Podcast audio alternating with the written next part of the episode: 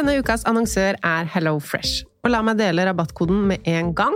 På hellofresh.no bruker du koden FRESHPENGE for å få opptil 1779 kroner rabatt. Hvorfor bruker vi matkasse fra HelloFresh? Fordi det gjør livet mitt enklere. Det er litt mer oppvask, det er det eneste negative. For det er jo litt mer ordentlig middag enn de stakkars guttene mine sikkert hadde fått om jeg ikke hadde fått middagene levert på døra fra HelloFresh. Jeg føler meg som en mesterkokk med disse oppskriftskortene. At noen har tenkt ut middager som er gode, masse grønnsaker. Jeg bare elsker å ikke måtte tenke ut og planlegge og handle inn til middag. Her er alt sørget for og kommer på døra. Du kan velge mellom tre, fire og fem retter i uka til to eller fire personer. Og så kan du alltid hoppe over en uke. Så hvis du skal på ferie, f.eks., så kan du bare sette hele greia på pause.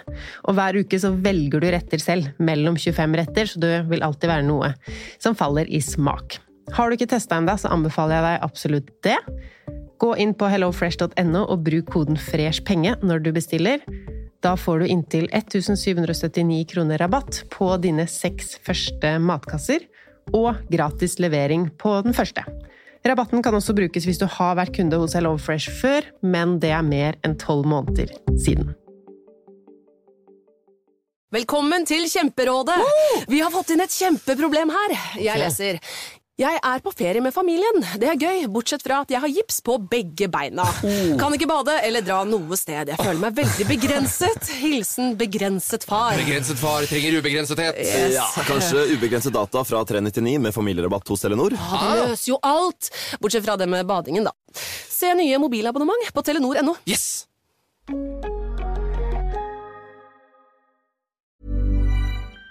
Du, jeg lurte på, Hva er den beste investeringen eh, du har gjort? Jeg tror det må være at jeg har kjøpt min egen leilighet. Jeg har kjøpt noe kryptovaluta og håper jo at det vil være en god investering på sikt. Du, det må faktisk helt klart være utdanninga mi fra BI. Jeg har fått en kompetanse og noen verktøy som virkelig er nyttig for meg i alt jeg gjør på jobb. En god investering handler ikke bare om økonomisk gevinst, men også hva du gjør for å gi deg selv et enda bedre utgangspunkt. Utdanning er nemlig en av de største investeringene du kan gjøre for fremtiden din. På BI møter du kunnskapen og nettverket du trenger for å oppnå det du vil. Gå inn på bi.no for å finne kurs og programmer som tar deg videre.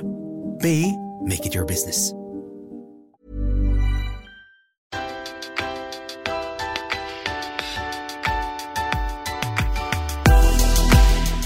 Velkommen til Pengesnakk podkast. Dette skulle være den siste episoden jeg lager før en eh, sommerpause i eh, juni og juli. Men jeg fant ut at jeg vil dele tips med deg som sparer til egenkapital. Men så vil jeg også dele litt andre ting, så derfor blir det en episode neste uke også. Og så eh, starter vi opp igjen 1. august.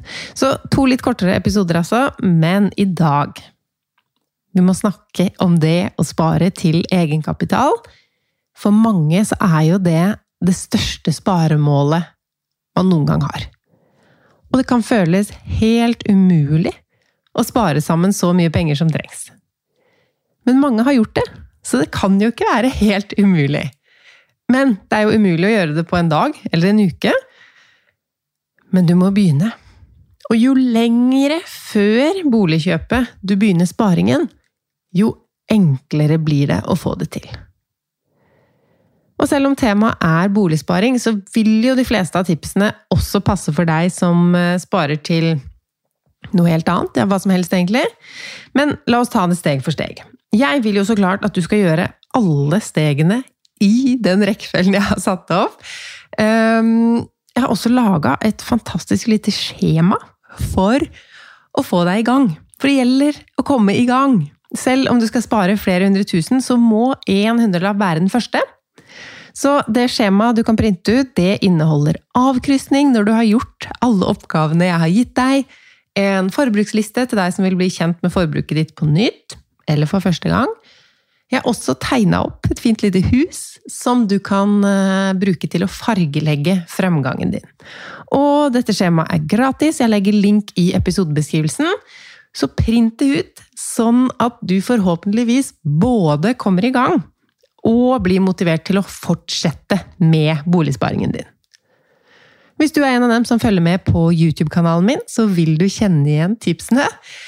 Men det er ganske mange flere som hører på podkasten, så jeg tenkte dette må jeg dele her også. Det er så mange som sparer til egenkapital akkurat nå. Som sagt, det er det største sparemålet man gjerne har i livet, og da trenger man de tipsene man kan få. På slutten av dagens episode så er det også noen tips fra de av dere som har delt tips med meg som eh, altså hvordan dere klarte å spare til eh, egenkapital. Ehm, så ok, print ut den lista, og gjør! Fordi det blir faktisk ikke spart en eneste krone av at du hører på meg her i dag. Du må gjøre jobben også. Har vi en avtale? Det aller første du må gjøre, er å ha en sparekonto. Du skal ikke spare til bolig på brukskontoen din. Brukskontoen din er for brukspenger. Du skal ha en annen konto til sparing, også fordi du skal øve deg på det å spare. Føre penger over til sparing når du kan.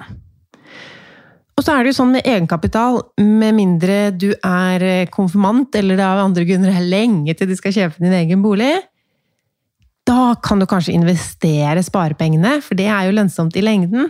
Men er det under fem år til boligkjøp, så er risikoen ved å investere penger i aksjemarkedet for høy. Så jeg ville i hvert fall aldri investert boligsparepengene mine.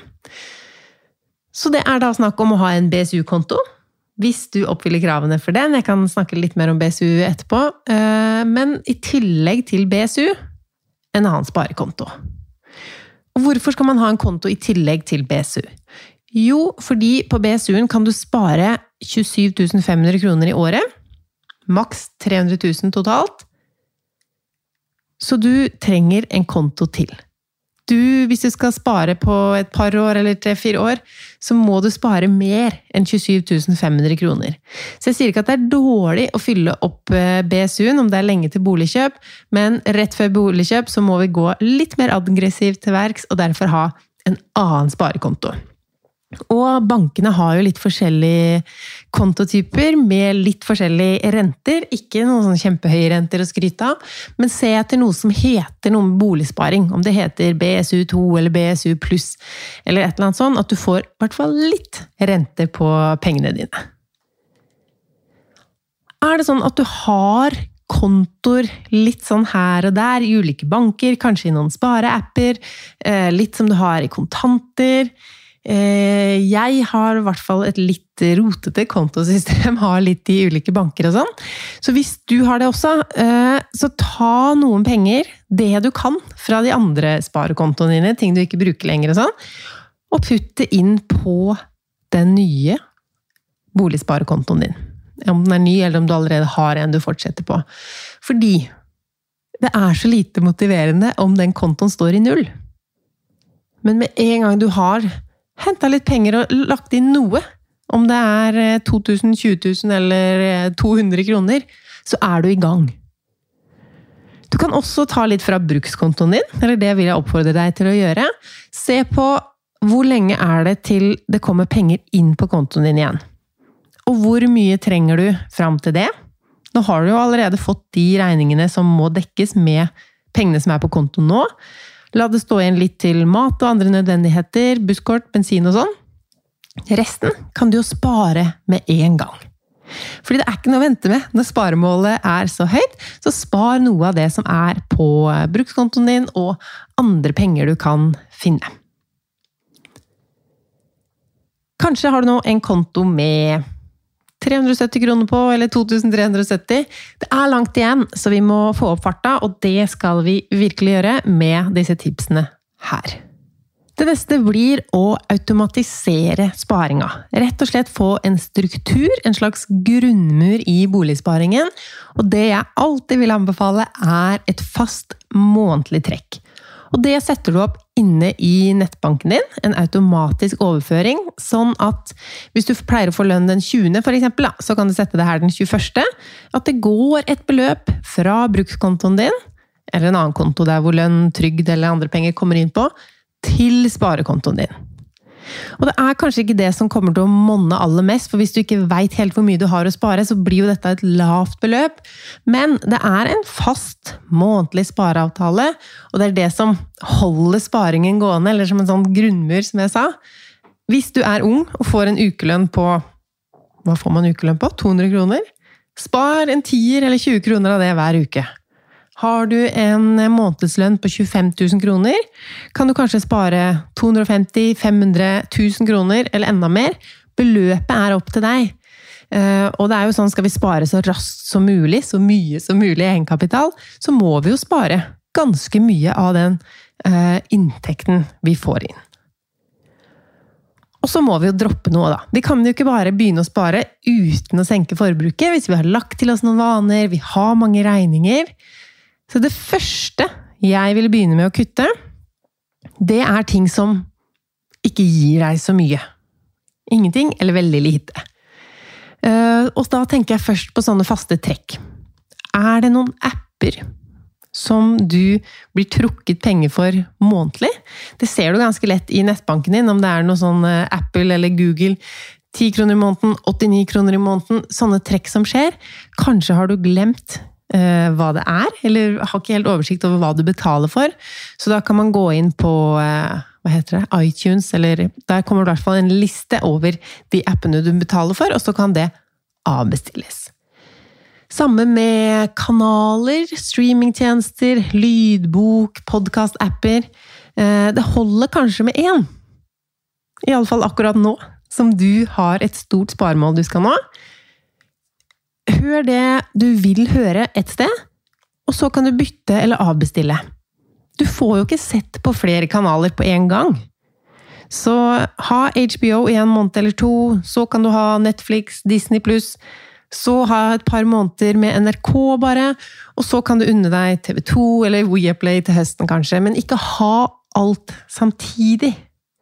Det virker som så små beløp, og det er jo små beløp, men eh, vi trenger hver eneste krone til boligsparingen. Og så er det jo sånn at selv om det er små beløp, når det er flere av de, og det er tolv ganger i året, så blir det faktisk penger av det.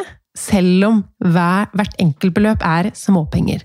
Så utnytt det heller til din fordel, og rett akkurat de samme beløpene som du kutter ut, til boligsparekontoen din. Altså, helt praktisk, du øker det automatiske trekket vi nettopp satte opp, med Altså hvis du avbestiller et eh, abonnement som koster deg 200 kroner i måneden, da, så øker du sparinga med 200 kroner med en gang. Og hvis du har mye sånt du kan kutte ut, så går jo sparinga di fortere nå enn den ville gjort utenom at du gjorde denne jobben. Så ta den gjennomgangen og se om det er noen sånne helt enkle ting du kan gjøre. Og så er det jo en del faste regninger som vi ikke kan velge helt bort, men som vi kanskje kan gjøre noe med. F.eks. det å bytte til et billigere mobilabonnement. Der gjelder det jo å være litt obs, for hvis du tar det billigste mobilabonnementet, men bruker 4G som vanlig, eller kanskje du øker forbruket ditt på 4G nå i sommer, så blir det jo dyrere hvis du må kjøpe sånne ekstra datapakker. Eh, så sjekk hvilke abonnement som tilbys, sjekk hvor mye 4G du pleier å bruke, eller sånne gigabytes. Um, så sjekk både hos din, den mobiloperatøren du allerede har, men også andre leverandører. Og så kan du lage deg nye vaner òg, med å koble deg opp på wifi overalt. Eh, ikke se så mye på YouTube når du er på farta, gjør det heller når du er på et sted med nett. Alle sånne regninger, forsikring, den er litt større å sette seg inn i, men i hvert fall se at hvis du har en arbeidsgiver som har reiseforsikring på deg, eh, det hadde jeg, eh, en som hadde reiseforsikring ikke bare på meg på privaten, men også hele familien min, og det hadde jeg jo også tegna selv, for jeg hadde jo ikke sjekket opp det. Og da vært dobbeltforsikra over en lengre periode.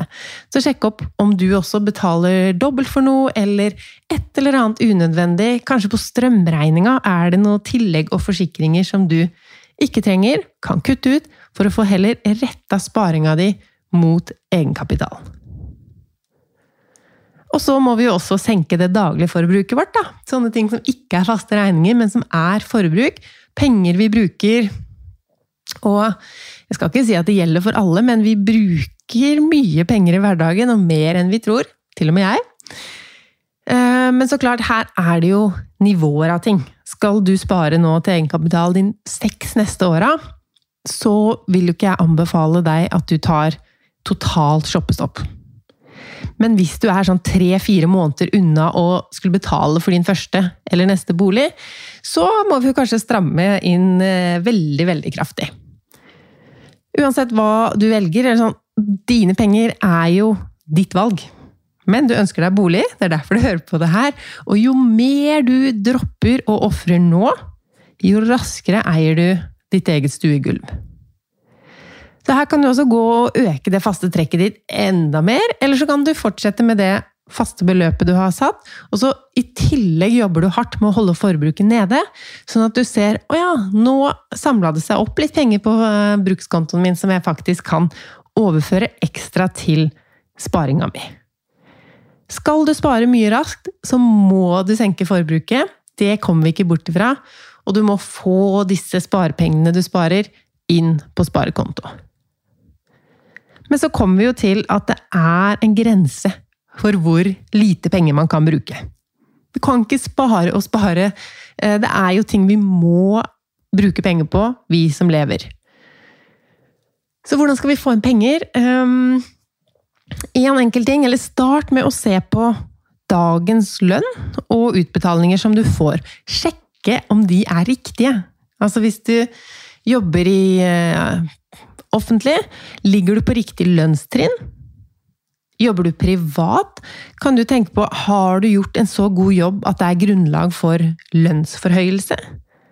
Har du hatt et møte med arbeidsgiveren din om lønn i det siste, eller hvor lenge siden er det, og hva snakka dere om da? Er det ting du veit at hvis jeg tar det kurset, eller får sendt inn de papirene på utdanning, eller om det er små ting du kan gjøre for å sørge for å tjene mer, så er jo det en genial måte å få inn mer penger på, uten å måtte ofre så mye.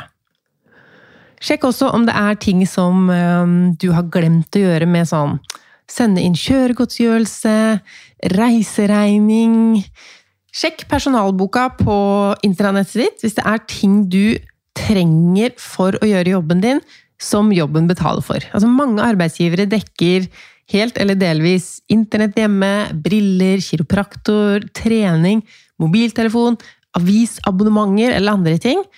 Og hvis det er sånn at arbeidsgiveren din betaler 400 kroner av internettregninga di hver måned, men du aldri har tenkt at du gidder å sende inn det, så kan du jo sende inn bakover og få inn nå en god sum penger som du kan bruke til boligsparing. Enda bedre er det jo om du finner ut at du er plassert i feil lønnstrinn og kan få det etterbetalt. Det kan jo være snakk om ganske mye penger. Så ikke glem å gjøre sånne ting som å eh, gjøre opp med reiseregninger, kjøregodtgjørelse. Da betaler jo du for ting som du ikke skal betale for. Så gjør din innsats for å få de pengene du kan få. Så kommer vi til neste punkt på lista, som er en av mine favoritter. Selg unna ting du ikke trenger. Og da tenker jeg ikke bare på dyre, store ting som sofa, PlayStation eller fjellski. Så klart får du mer penger inn på store, dyre ting, men mange må-salg er også lønnsomt. Og ikke minst, hvis du skal flytte snart, så er det digg å ha færre ting å flytte med seg. Da kan du kanskje spare penger på å ha mindre flyttebil og Selg unna ting du ikke trenger. Legg bøkene dine ut på Bookies, klær du ikke bruker kan du legge ut på Tice, resten kan du bruke finn.no, Facebook Marketplace.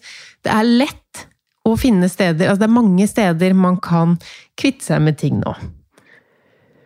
En iPhone med knust skjerm, det er kanskje en ting du tenker at det ikke er noe verdt, men det er det mange som vil kjøpe.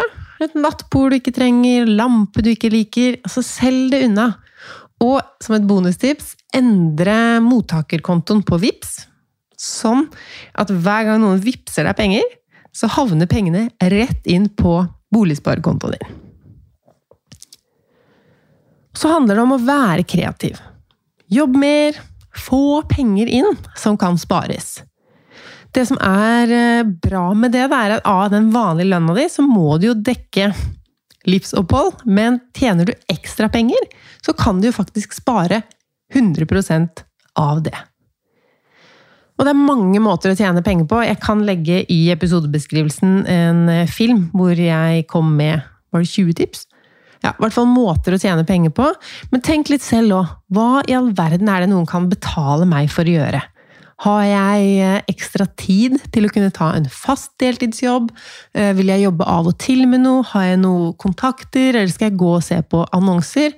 Um, tips til hvordan få jobb snakka vi om i forrige episode av Pengesnakk podkast, så sjekk ut den hvis du enten er på jakt etter en ny fulltidsjobb eller en deltidsjobb. Og vi har jo ennå ikke snakka om hvor mye penger du må spare totalt. Uh, og det gjorde jeg litt bevisst, fordi det viktigste er å komme i gang. Uansett om den summen er høy, kjempehøy eller megasuperhøy, så må vi komme i gang. Så nå som vi er i gang, så kan vi begynne å regne på det. Og da er det jo en regel i Norge at banken kan ikke låne deg mer enn 85% av boligens verdi. Så da er det jo resten, da, som du må ha spart opp selv. Og det er det vi kaller egenkapital. Egenkapital betyr jo egentlig bare penger. Skal du kjøpe en bolig til to millioner, så må du ha 300 000 kroner spart opp. Skal du ha en bolig til 4 millioner, så er det 600 000, som er 15% Men du må jo også finansiere omkostningene. Så vi ser jo med en gang at prisen på det du skal kjøpe, avgjør hvor mye du må spare. Og for de fleste, da, hvor lenge du må spare. Det tar lengre tid å spare 600 000 kroner enn det tar å spare 300 000 kroner hvis du gjør de samme grepene og tiltakene. Så her er det jo mulig å ta en ny runde med seg selv om eh, Kan du gå ned på standard? Kan du flytte et billigere sted? Eh, type bolig? Må det være balkong? Må det være hage? Er det liksom krav du kan fire på for å kunne oppnå boligdrømmen raskere? Når du har regna ut altså Høye summer de kan virke så demotiverende, så ikke glem Stol på meg når jeg sier at alle kroner spart teller mot målet. Og hvis du gir opp, eller tenker at det er så langt fram i tid at det er ikke noe vits å spare til det, da kommer du ikke til å nå målet. Det er steg for steg denne sparinga må gjøres. Så la oss komme med mer konkrete sparetips. Mat er noe vi alle må ha, men med planlegging, ukesbudsjett og handleliste, så er det mulig å spise godt uten å bruke unødvendig mye penger på det.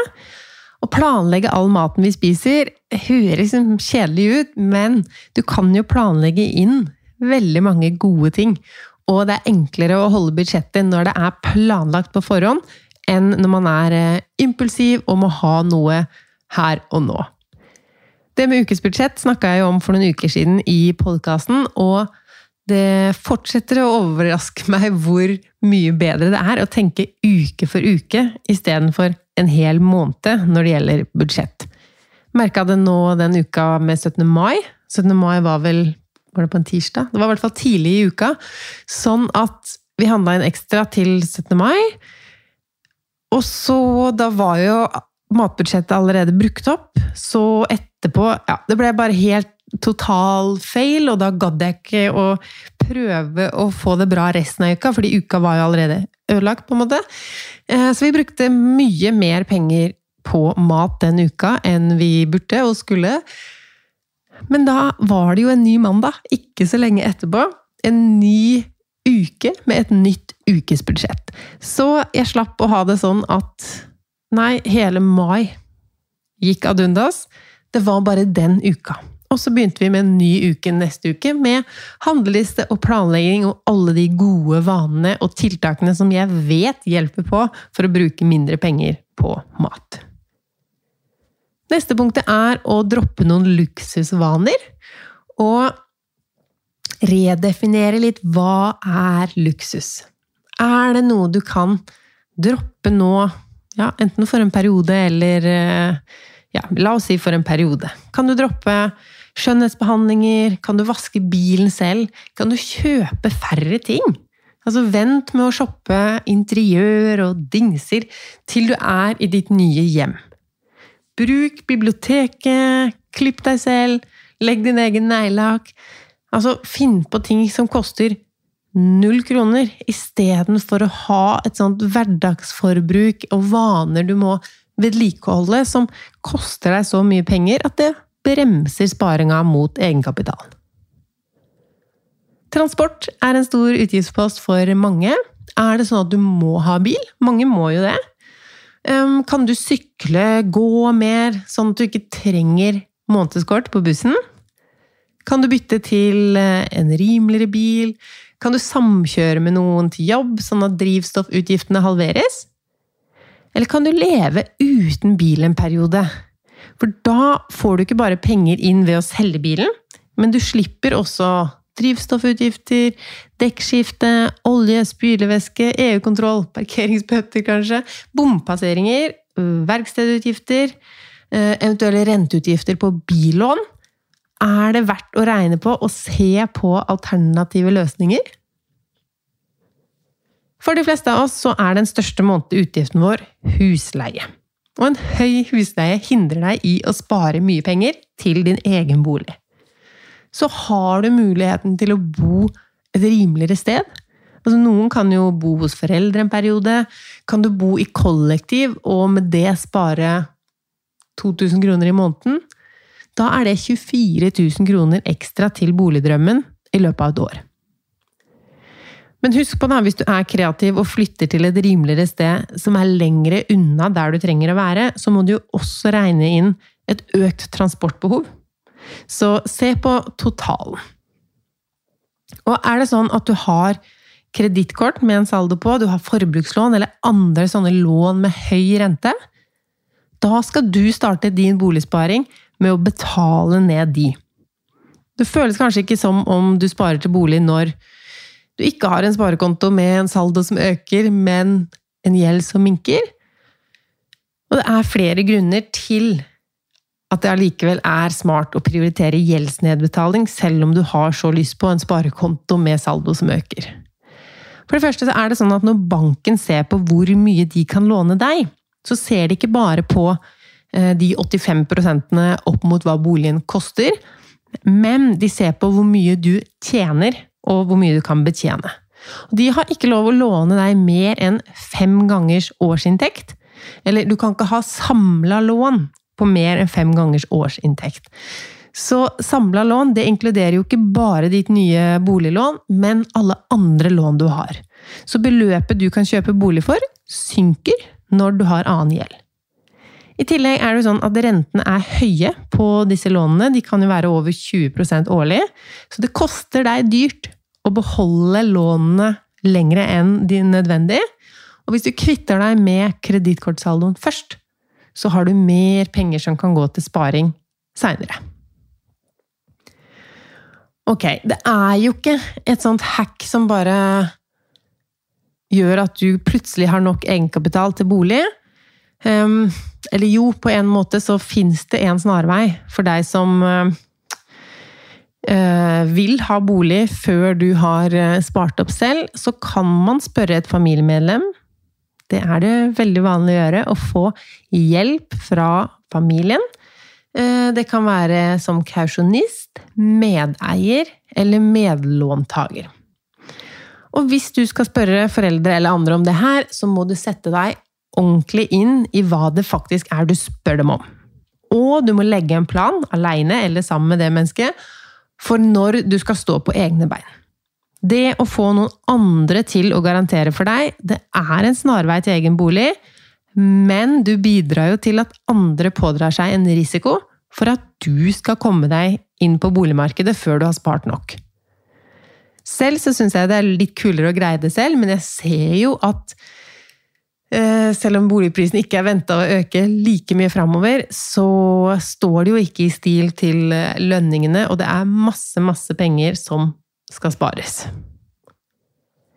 Jeg snakka jo litt om BSU innledningsvis, men BSU er en genial sparemåte, fordi staten har bestemt at de som sparer på en sånn konto, de skal få gratis penger.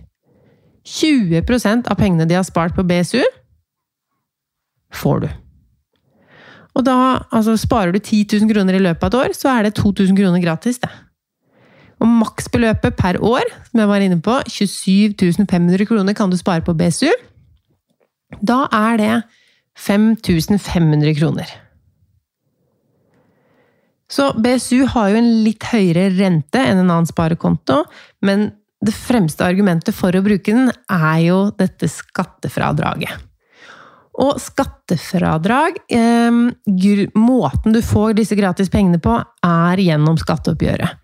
Sånn at når de ser på hvor mye skatt du skulle ha betalt for eh, La oss si det er for i år, da. 2022. Du sparer eh, 10 000 kroner på BSU. Eller skal vi si at du fyller den helt opp? 27 500 kroner på BSU i år. Og så regner de ut skatten din. Du skulle ha betalt 100 000 kroner i skatt. Da trenger du bare å betale 94 500 kroner i skatt. Så det er sånn det fungerer. Det må se på skattemeldingen din om BSU-beløpet står der, sånn at du får det trukket fra. Det legges inn automatisk, så jeg har ikke hørt om noen hvor det ikke har stått der, men ta en kikk. Da har du en ting å sjekke opp i skattemeldingen din. Hver gang du tenker at 'å, jeg må jo ha en sånn', eller 'jeg må jo være med på det', du prioriterer boligsparing akkurat nå.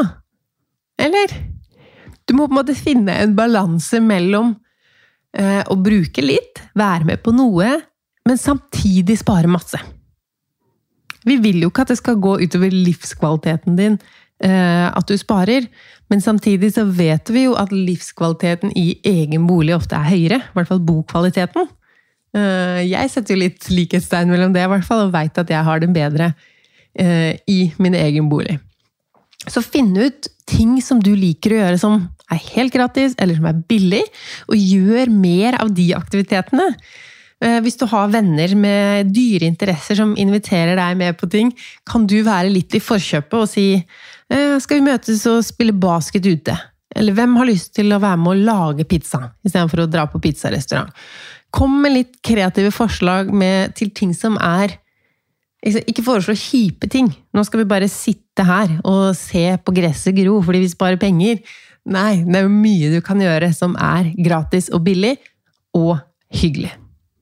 Er du nettopp ferdig som student nå og har fått deg fast jobb til høsten? Gratulerer! Nå gjelder det å tenke smart. Hvor mye mer penger skal du bruke hver måned fra høsten mot hva du bruker nå. Du kan øke livskvaliteten din eh, litt, men fremdeles få spart mye penger. For det er jo ikke noe egentlig grunn til å skulle triple forbruket sitt bare fordi man begynner å tjene mer. Så enklere enn de av dere som um, har tjent en god del, men som er vant med å bruke en god del, og nå må kutte ut ting, Enklere er det jo å aldri begynne med, eller ikke aldri, ikke nå mens vi sparer til egenkapital, begynne å legge til oss veldig mange dyre vaner. Gjør unna den sparinga først. Spar så mye du kan hver eneste måned. Eh, lev et år eller to ekstra på studentbudsjett, eller tilnærma studentbudsjett. Så slipper du å ha boligsparing over deg i ti år. Så har vi kommet til følgertipsene. Det er er det 15 stykker. Førstemann sier 'Jeg ønsket meg penger på BSU til bursdag og jul i mange år'. Så er det noen som tipser om å leie ut et rom i boligen din. Eh, men det her er jo folk som skal kjøpe seg sin egen bolig, så ja, kanskje hvis det er bolig nummer to, da. For hvis du leier, så må du i hvert fall avtale med utleier hvis du skal fremleie et rom. Flytt hjem for en periode i kollektiv for å bo bedre senere. Jobb så mye at man ikke rekker å bruke penger. Ta masse ekstravakter. Dropp luksusutgifter som alkohol, shopping, spise ute. Spare konfirmasjonspengene. Kanskje litt for seint for noen, men det var jo sånn min boligsparing eh, begynte. Med konfirmasjonspengene. Bruke opp tingene dine der har jeg i hvert fall tenkt at det de mener er ikke erstatt ting før de er brukt opp. Alle kjøp, vent et døgn. Nedskaler ferieplanene. Der er det mye å hente, står det. Følelsen av egen bolig trumfer dyr ferie. Bytt ut storbyferie med overnatting på fjellet. Batteriene lades bedre. Leie ut utstyr man ikke bruker så ofte. Den er jo fin. Det er jo kanskje begrensa hva man har Nei, nå skal ikke jeg sette sperrer. Jeg veit ikke hva som kan leies ut. Det vi har leid ut Jeg har prøvd å få mannen min til å bli med på å leie ut litt verktøy, men det ville han ikke. Vi har leid ut en sånn reisebarnevogn som man kan ta med på fly. Den har vi leid ut noen runder. Eh, Det er masse som kan leies ut. Det fins det en egen app for, men det går også an å leie ut ting via finn.no. Ha en no buy challenge. Det var litt det vi snakka om, at det kan man klare en kort periode, men skal du gjøre det i årevis, så er det kanskje litt eh, Altså litt for mye. Vi vil jo ikke eh, sette oss mål som er så vanskelig å nå at vi ender opp med å mislykkes og føle oss mislykka. Du kan ikke gå fem år uten å kjøpe deg en eneste ting. Eller, jeg skal ikke påstå det, det er sikkert noen som har gjort det. Hvis du søker på sånn No Buy Challenge på YouTube, så finner du folk som har det i årevis. Jobb kveld, natt og helg om mulig. Alltid smøre matpakke, vann og kaffe.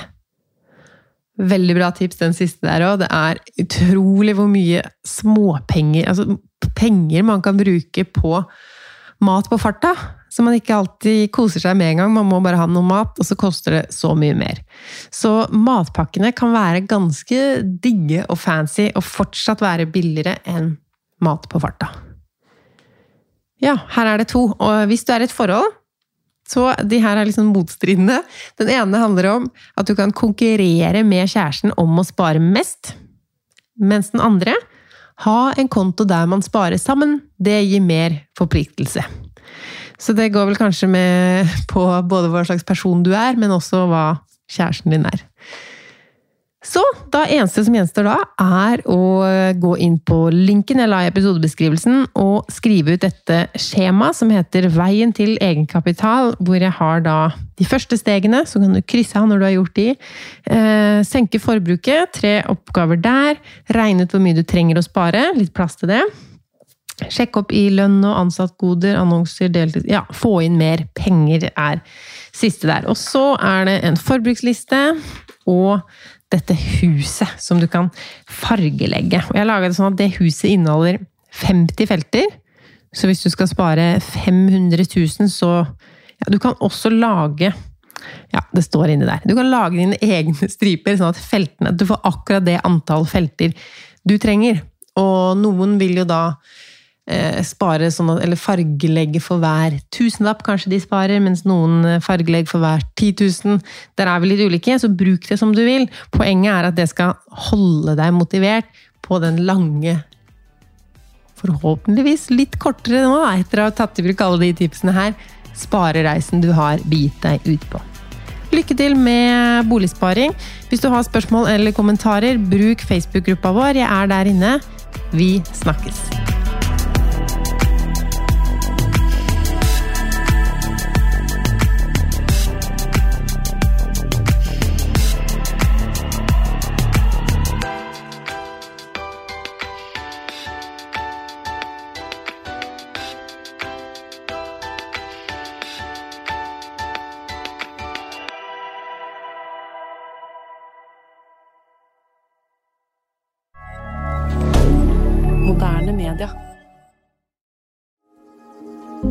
Elin, du er foreleser på BIs videreutdanning.